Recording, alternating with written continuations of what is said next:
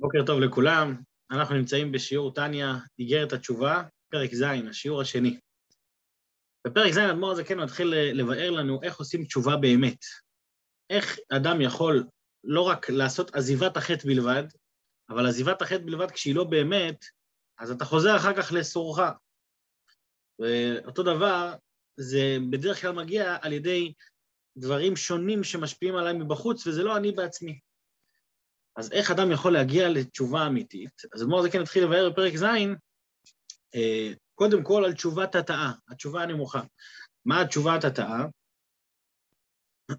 שתי דרכים איך להגיע לתשובה באמת. הדרך הראשונה זה לעורר רחמים על נשמתו. זאת אומרת, זה גם הסיבה של האריכות של אדמו"ר הזקן עד פרק ז', כדי שבן אדם יבין מאיפה הנשמה שלו הגיעה. שהוא יבין שהוא חלק משם הוויה, שהוא שייך לפנימיות, שבאמת אתה, בפנימיות שלך אתה הרבה יותר נעלה.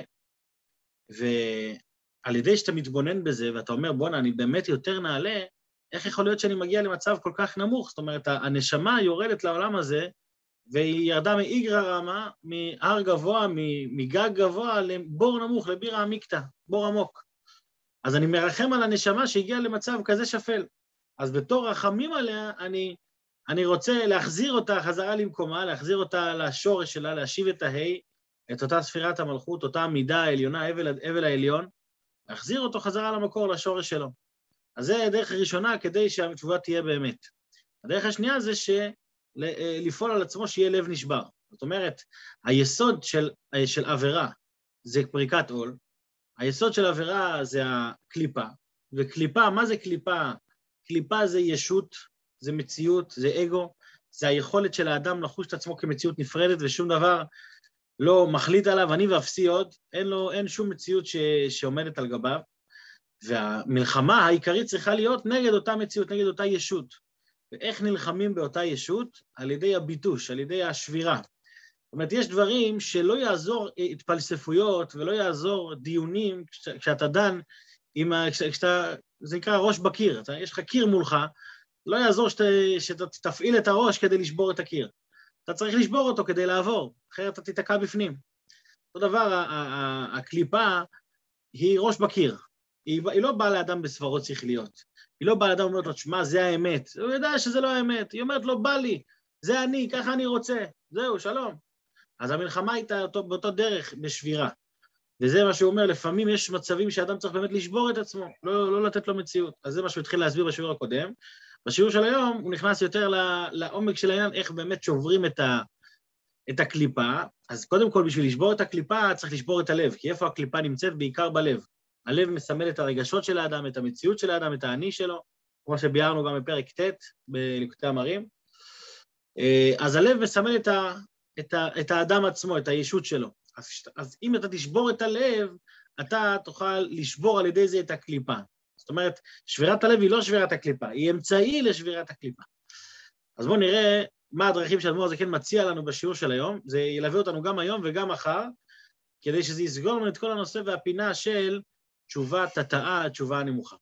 אז בואו נצא לדרך בשיעור של היום. שואל אדמו"ר הזקן, והאיך נשבר הלב ונתקה? איך גורמים שהלב באמת יהיה נשבר ונתקה? אגב, אם אתם זוכרים, אנחנו דיברנו על הדברים האלה באריכות, גם בפרק כ"ט בתניא ובפרק ל', על הנושא של מה האדם יכול להתבונן כדי לשבור את, ה, את הלב שלו. אז, מה, אז כאן אדמו"ר הזה כן, גם מכניס חלקים משם, אבל גם נותן לזה את ה... את ה מה שנקרא את הטאץ' שנוגע. לאיגרת התשובה, איך זה נוגע בעניין של תשובה. הנה, כי בתניא, בפרק כ"ט, שם זה יותר דיבר על האור לא חודר, האור לא, האור לא, לא מאיר אצלי, אני מרגיש שאני הולך בחושך. כאן הוא אומר, אני מרגיש שהתשובה היא לא אמיתית. אז זה דקות, אבל העניין הוא אותו עניין, רק איך אני מנתב את זה לעניין שלי.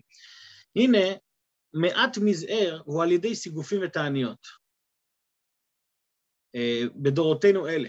זאת אומרת, איך אתה שובר את הלב? על ידי סיגופים ותעניות, כי אז אתה באמת נחלש, אתה נהיה משהו אחר. ו- ודווקא הדורות שלנו, שאין לנו כוח להתענות הרבה כדוד המלך, כמאמר רבותינו זיכרונה לברכה על פסוק וליבי חייל בקרבי שהרגו בתענית.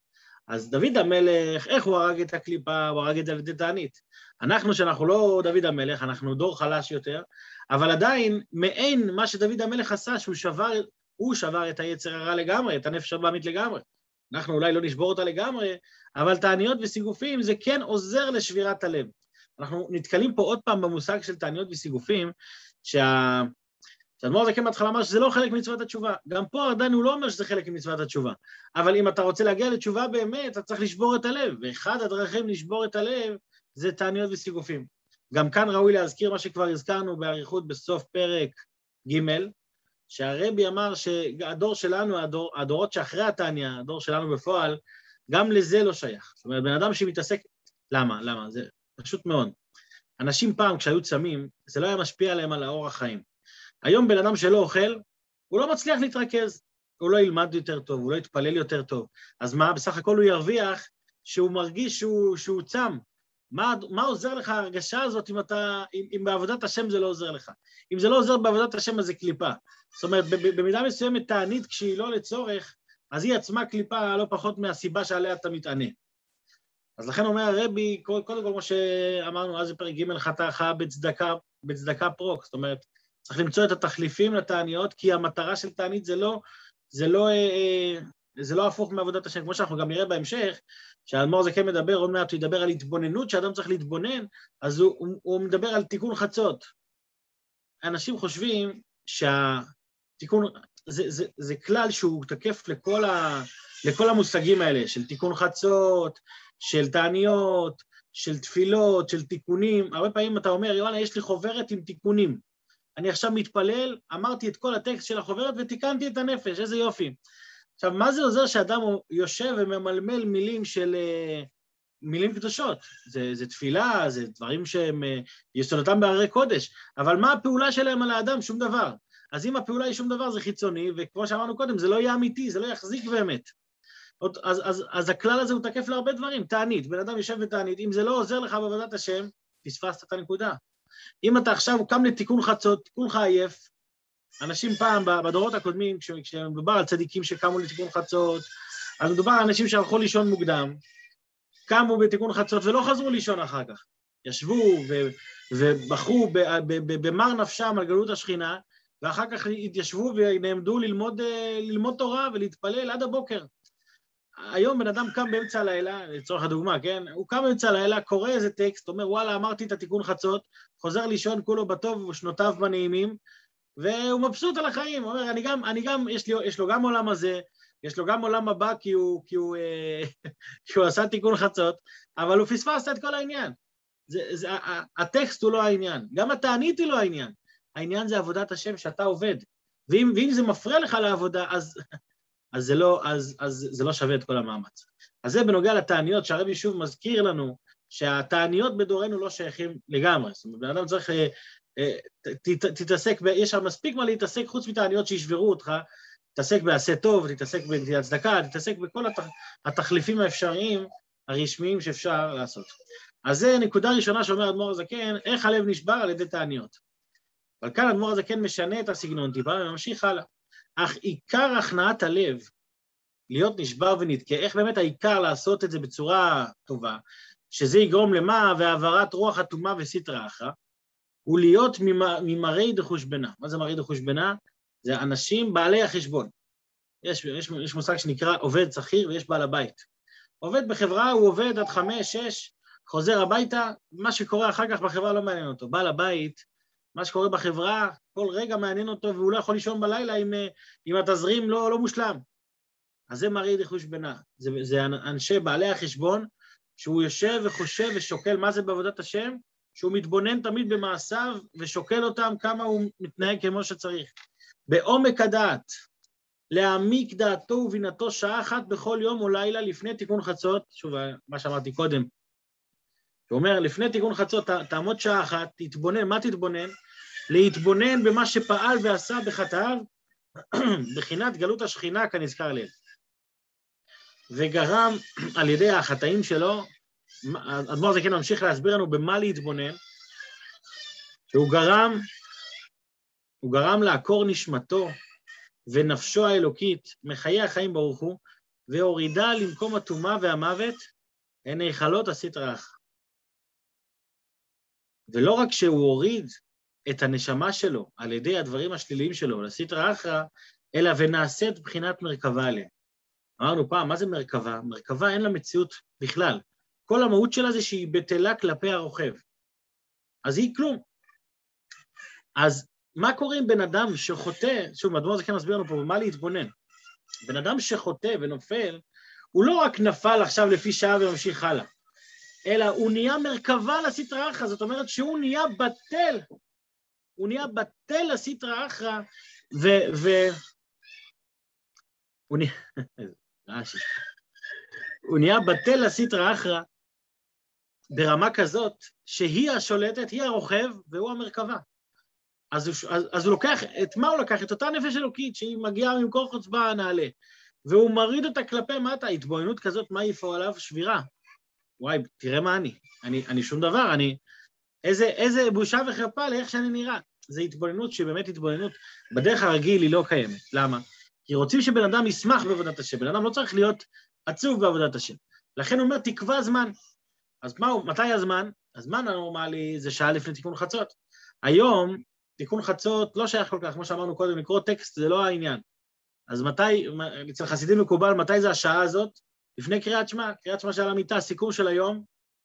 אז בן אדם יושב וחושב וצריך להתבונן, מה עשיתי, מה לא עשיתי, מה גרמתי ומה פעלתי על ידי המעשים שלי. אז הוא נעשה, אז מה ההתבוננות? שהוא נעשה מבחינת מרכבה עליהם, לקבל מהם שפע וחיות להשפיע לגופו כנזכר לעיל. כמו שאמרנו בתחילת, בפרק הקודם, פרק ו', שהקליפות, כשהן רואות פוטנציאל של השפעה רוחנית, הרי הם רוצים את ההשפעה הפנימית משם הוויה. ביום יום מקבלים משם אלוקים. אבל כשהם תופסים, כשעולה בחכתם, עולה יהודי, שהוא מוכן למכור את הפנימיות שלו בשביל החיצוניות של הרגעית של העולם, אז הם קונים את זה בשמחה רבה. ולא רק שהם קונים בשמחה רבה, הם קונים ביוקר, הם מוכנים לשלם הרבה כדי לקבל את הפנימיות הזאת. ובאותו רגע שהם מקבלים, אז הוא נהיה כמו, כמו בובה במשחק שלהם, והוא פשוט נהיה מרכבה אליהם. וזהו שאמרו רבותינו, זיכרונה לברכה, רשעים בחייהם קרויים מתים. למה הם קרויים מתים? מתו? לא מתו. קרויים מתים, כי מה זה מוות? מוות זה לא רק uh, מוות uh, פיזי, ש- שהנשמה מסתלקת. למוות זה... החי... איך יש בדיחה שאומרים, אחד פעם חזר מאיזה טיול, שאלו אותו איך היה, אז הוא סיפר, הלכתי בג'ונגל, עברנו נערות ועניינים, פתאום פגש אותי נמר ואכל אותי, טרף אותי. אז הוא אמר לו, החבר, אבל אני רואה אותך כאן, מה, אתה חי? אמר לו, לזה אתה קורא חיים, באמת. אומרת שיש יש לחיות, ויש לחיות שהחיים הם לא חיים. אז על הרשעים כתוב, רשעים וחיים קרויים מתים. למה? כלומר, שחייהם נמשכים ממקום המוות והטומאה. הקליפה נקראת מקום המוות והטומאה, הרי נתתי לפניך את החיים ואת הטוב, שחיים זה טוב, ומוות ורע. זאת אומרת שהרוע מכונה מוות.